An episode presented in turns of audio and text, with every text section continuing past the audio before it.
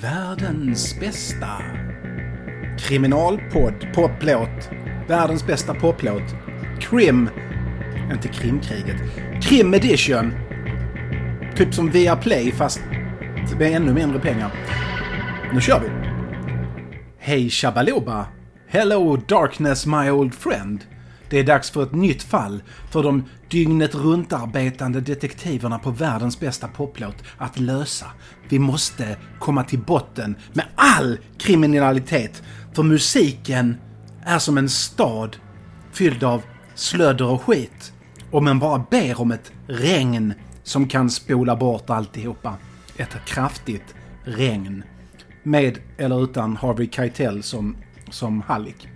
Oavsett, nu går vi vidare. Vi inleder med att ni blir Patreon på Patreon och sen kör vi. Sen kör vi rätt in i den svarta natten för att gräva fram orsaken till att några av de faser vi ljudintresserade tvingas utsättas för finns.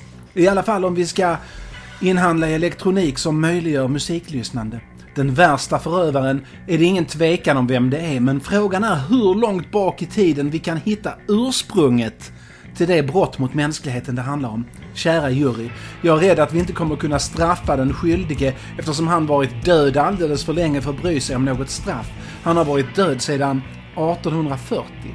Men eftersom det är ett pågående brott måste vi ändå utreda det så att brottsoffren, det vill säga mest jag, kan få lite upprättelse. Upprättelse och kanske lite tröst. I alla fall en känsla av att vi ser er.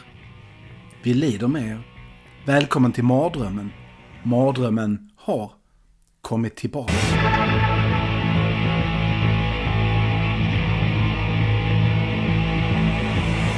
I'm a little tired and feeling hazy.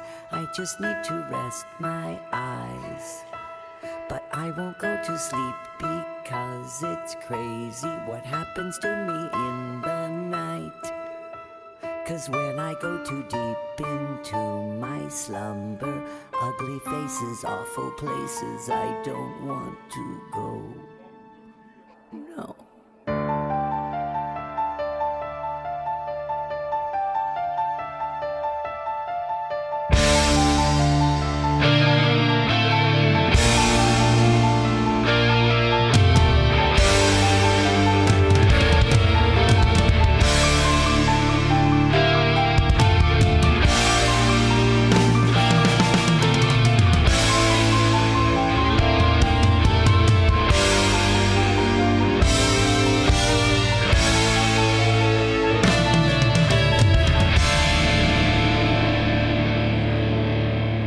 Det där var Alice Cooper som inleder sin eh, uppföljare till Welcome to my nightmare. Welcome to my nightmare heter uppföljaren. Ni förstår, det var en tvåa där. De var jättevitsiga. De hade så jäkla mycket humor 2011-2012 när den kom. Han inleder med en låt som är inte alls eh, särskilt klok. Men sen kommer den här The Nightmare Returns-låten som knyter an till den förra skivan både melodiskt och textmässigt. Vi är på väg in i en mardröm.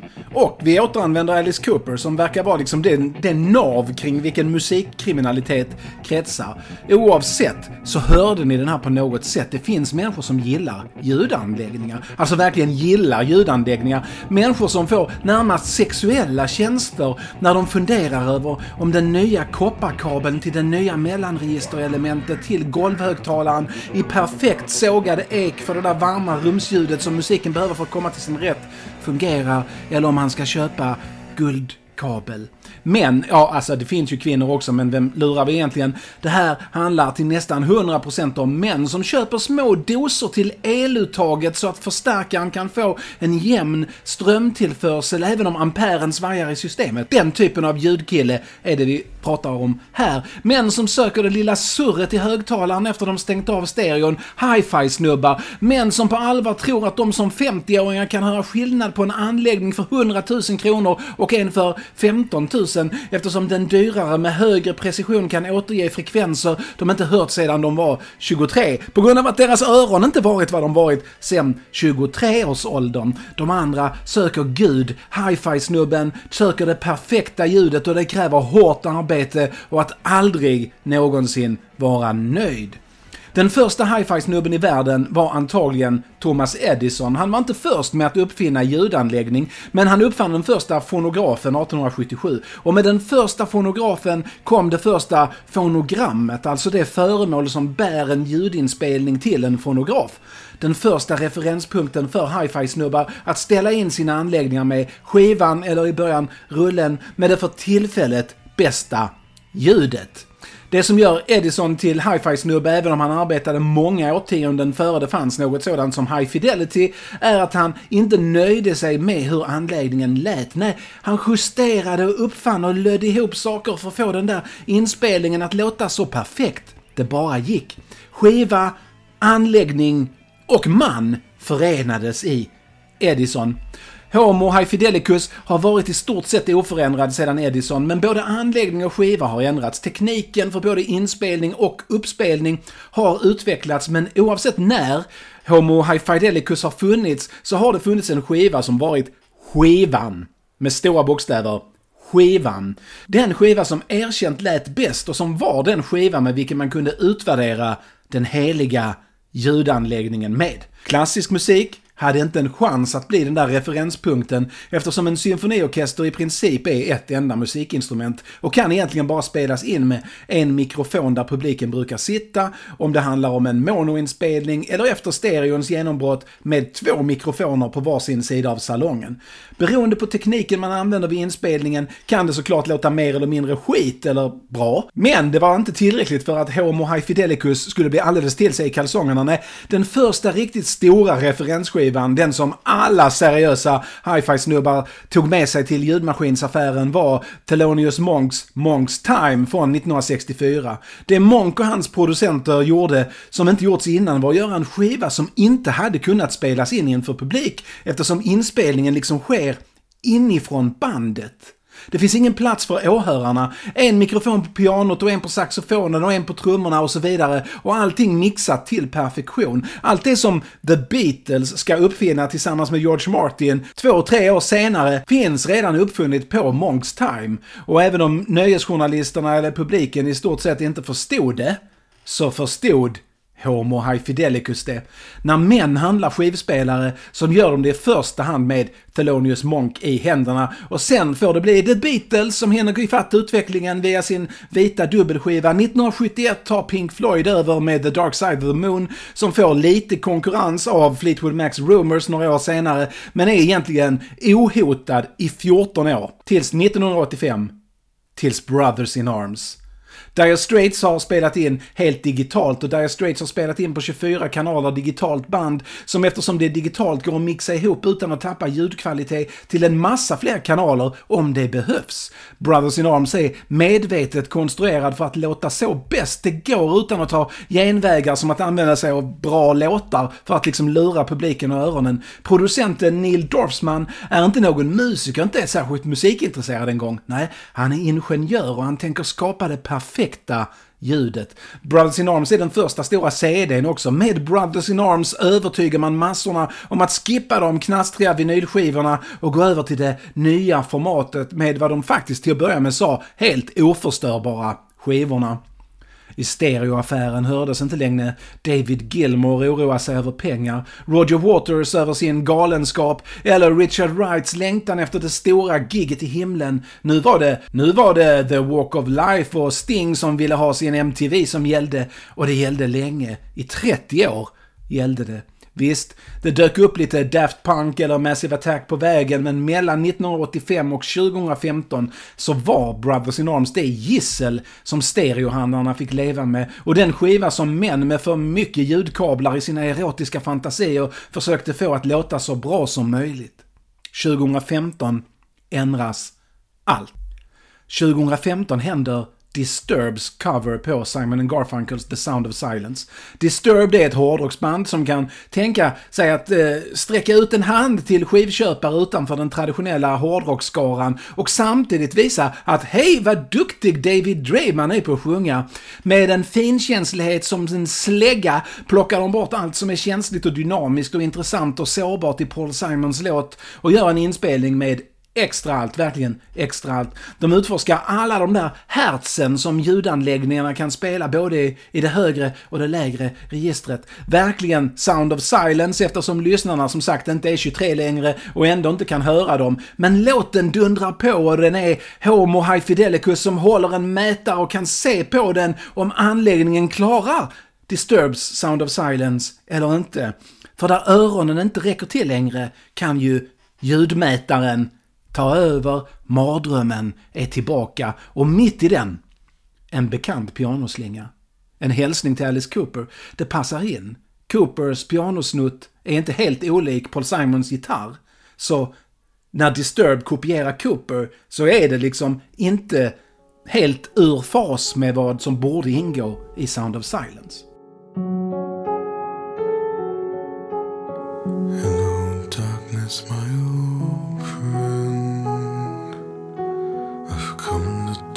with you again. Because a vision softly creeping left its scenes while I was sleeping. And the vision that was planted in my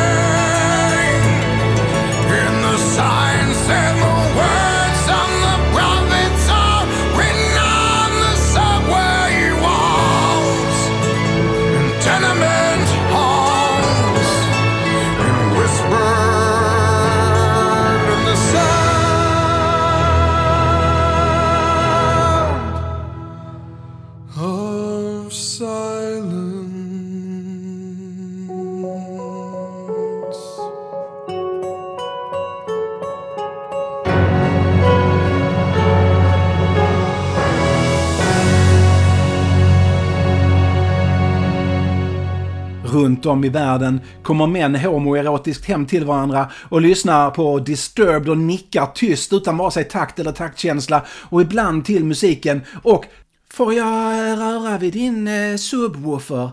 säger Hi-Fi Harald. Och Hi-Fi Harold svarar att det får göra vad du vill så länge du köper blommor efteråt.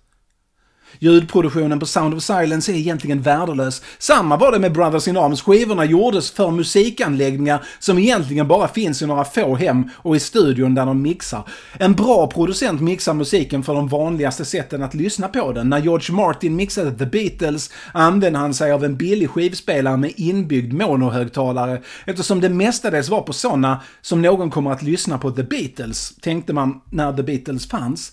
En smart producent idag mixar så att musiken låter så bra det går i ett par små trådlösa hörlurar. Homo High Fidelicus är inte målgruppen för musiken och därför lär vi behöva dras med Disturbed och att när högtalaren recenseras så är det hur de klarar Sound of Silence som är det mest avgörande testet. Året innan Disturbed släpper loss sin ondska försöker den franska producenten David Guetta också göra en skiva för den perfekta stereoanläggningen. Det var inget Guetta brukade ägna sig åt, eller Guetta heter han kanske, det är franska. Det var inget getta, ni får stå ut med att jag ändrade mig där liksom. Någon gång måste jag uttala det rätt. Om jag inte säger typ Guitta, för det heter han ju inte. Eh, det var inget Getta brukade ägna sig åt eftersom han mestadels gjorde musik för tonårshörlurar i kollektivtrafiken och på dansgolven. Men när det var 2014 och dags för en sjätte fullängdare låter han den inre audiofilen kliva fram och in i rampljuset. Skivan heter Listen och första låten heter Dangerous.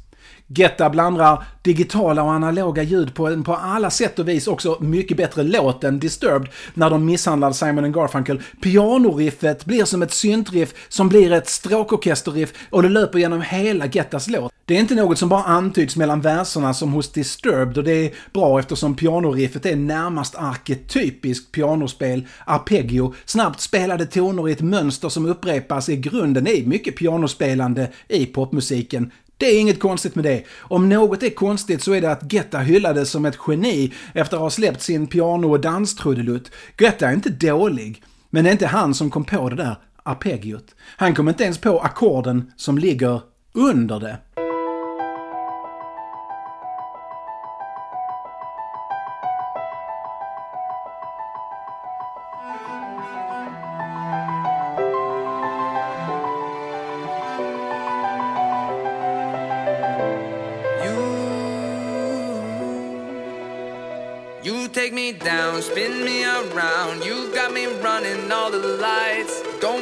Sound, talk to me now. Let me inside your mind. Don't know what you're thinking, sugar.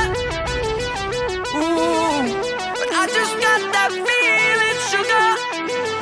Ooh, and I can hear the sirens burning, red lights turning. I can't turn back now. So hold on tight.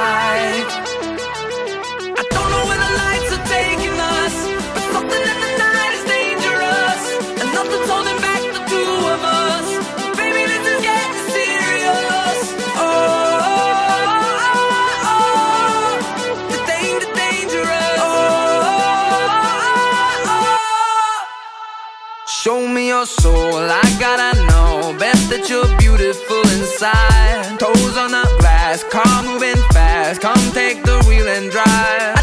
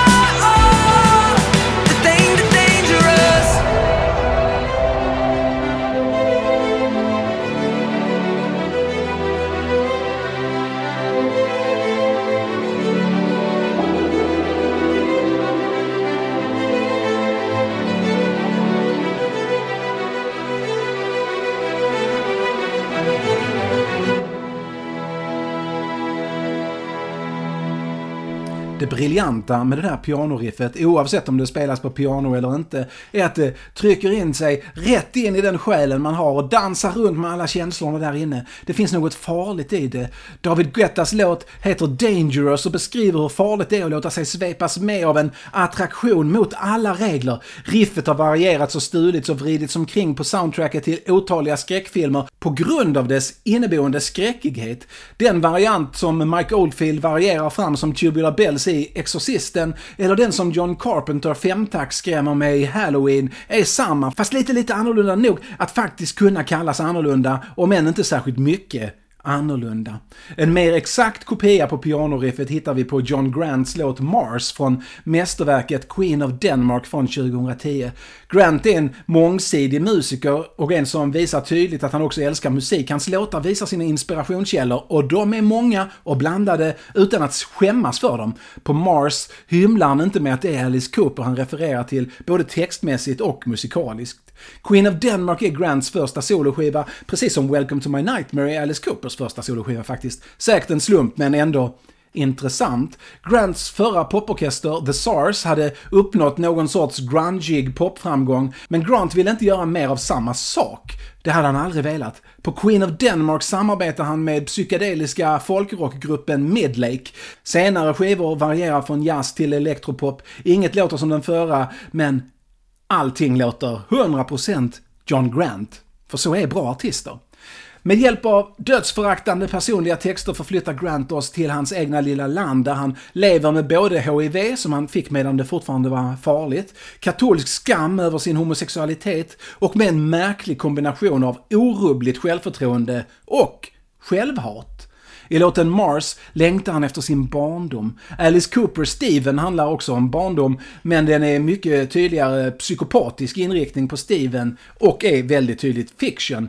Grants Mars handlar om chokladfabriken han växte upp bredvid. Alltså den där, där Mars tillverkar sina chokladkakor och godisar. Barnen i samhället fick komma och göra studiebesök och Grant minns dem och de blir en bild av den trygghet han upplevde att han hade, men som han faktiskt inte hade på riktigt. Den vuxne Grant inser inser att chokladdrömmarna inte motsvarades av verkligheten, för att verkligheten envisades med att innehålla mörker, mobbing och förövare.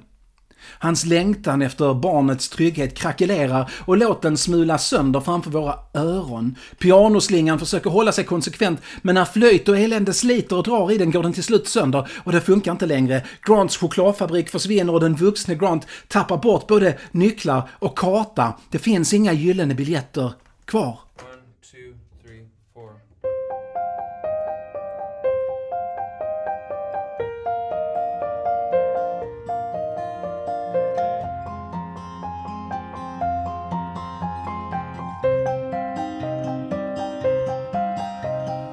Bittersweet strawberry marshmallow butterscotch.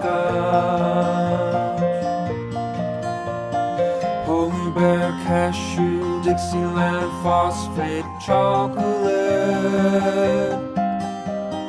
Lime tutti fruity special raspberry leave it to me. Three gray scotch lassie cherry smash lemon freeze go to Mars where green rivers flow and your sweet 16 is waiting for you after the show.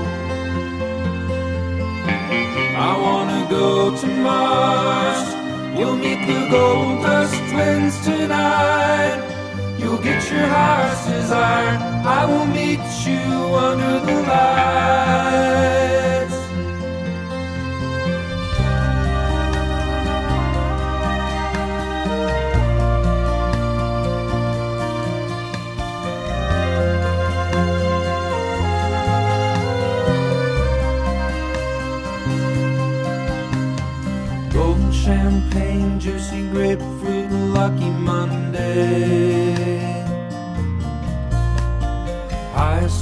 Football, hot fudge, buffalo, tulip Sunday. Almond caramel, frappe, pineapple root beer. Black and white, big apple, Henry Ford, sweetheart, maple tea. I wanna go to Mars,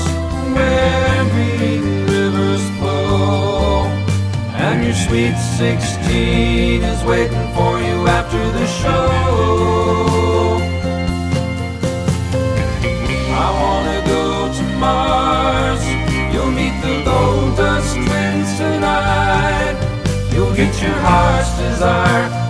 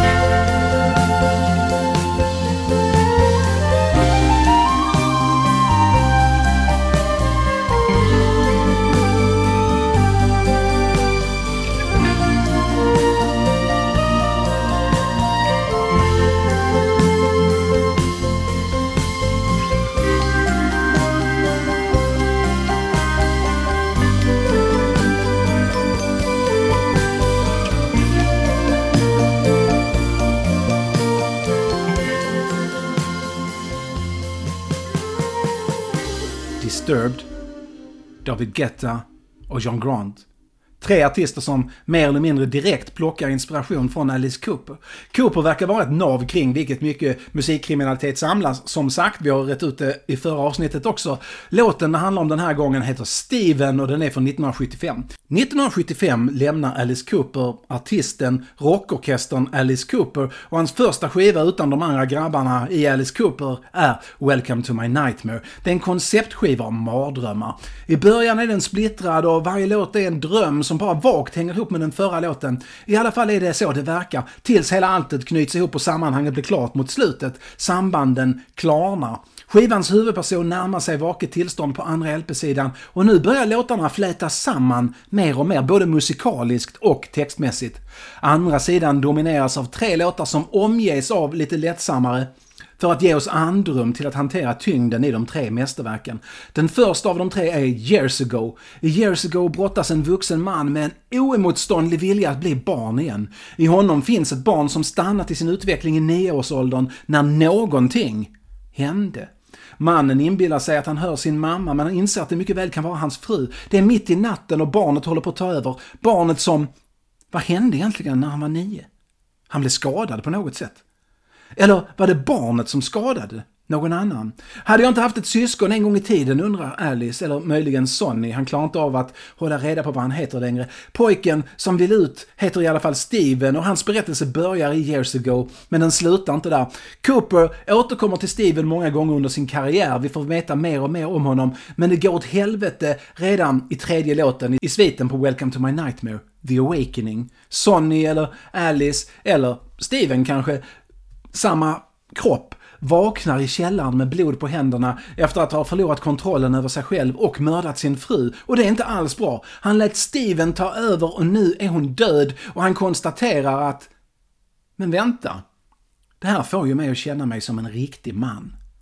Kampen den vuxne förlorar sker i låten Steven. Den sker till det där pianot som förföljt oss genom hela avsnittet. Mannen som kom på det, säger han, är producenten Bob Esrin som tillsammans med Cooper och Dick Wagner skrev skivan. De flesta låtarna skrev de tre tillsammans men på två delade de upp sig. Wagner skrev mästerliga Only Women Bleeds tillsammans med Alice Cooper som också blev en hitlåt trots att den förvånansvärt plågsamt textmässigt beskriver en man som misshandlar sin hustru och försöker rationalisera varför inför sig själv så att han kan fortsätta leva utan att behöva se sig själv som en sån där man som misshandlar kvinnor. För som de männen föraktar han. Det var hennes fel att just han en gång, okej okay, kanske tio, slog henne. Måste ju vara hennes fel, eller hur? Jag är inte som andra kvinnomisshandlare. De är onda och omanliga. Sån är inte jag. Man slår inte kvinnor. Men hon bad om det. Musiken på Steven skriver på Esrin själv, texten fortfarande Alice Cooper. Det börjar med pianoslingan, allting börjar med pianot, skickligt bygger sedan Esrin låten bit för bit och det blir symfoniorkester och det blir gitarrsolo och det är framförallt Alice Coopers sångtext och helt makalösa sång. Den vuxne mannen betraktar Steven inifrån men helt maktlöst. Han kan inte stoppa honom. Han, Steven försöker förklara för sitt syskon, en bebis alldeles nyfödd, bara några dagar gammal, att det inte är så farligt att bli dödad. Och ungen måste ju förstå att det inte går att stå ut med det där ständiga gråtandet och gnällandet. Vad än som händer med bebisen, så är det ju bebisens fel, inte Stevens. Coopers skådespel, märkligt nog utfört medan han var dyngrak, är helt fantastiskt.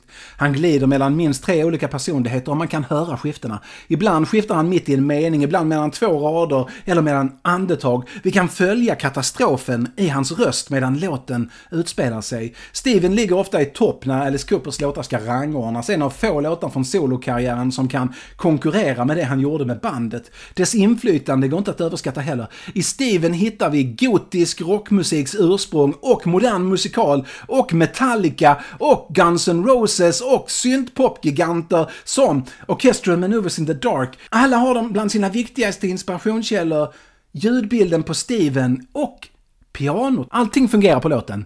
Allting. Och allting börjar och slutar med det där pianot. Pianot som aldrig varit bättre än det är på Steven.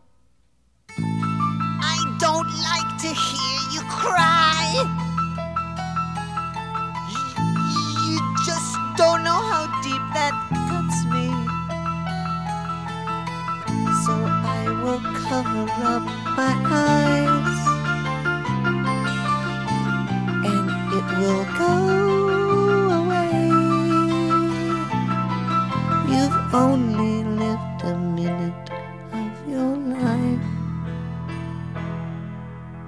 I must be dreaming. Please stop screaming.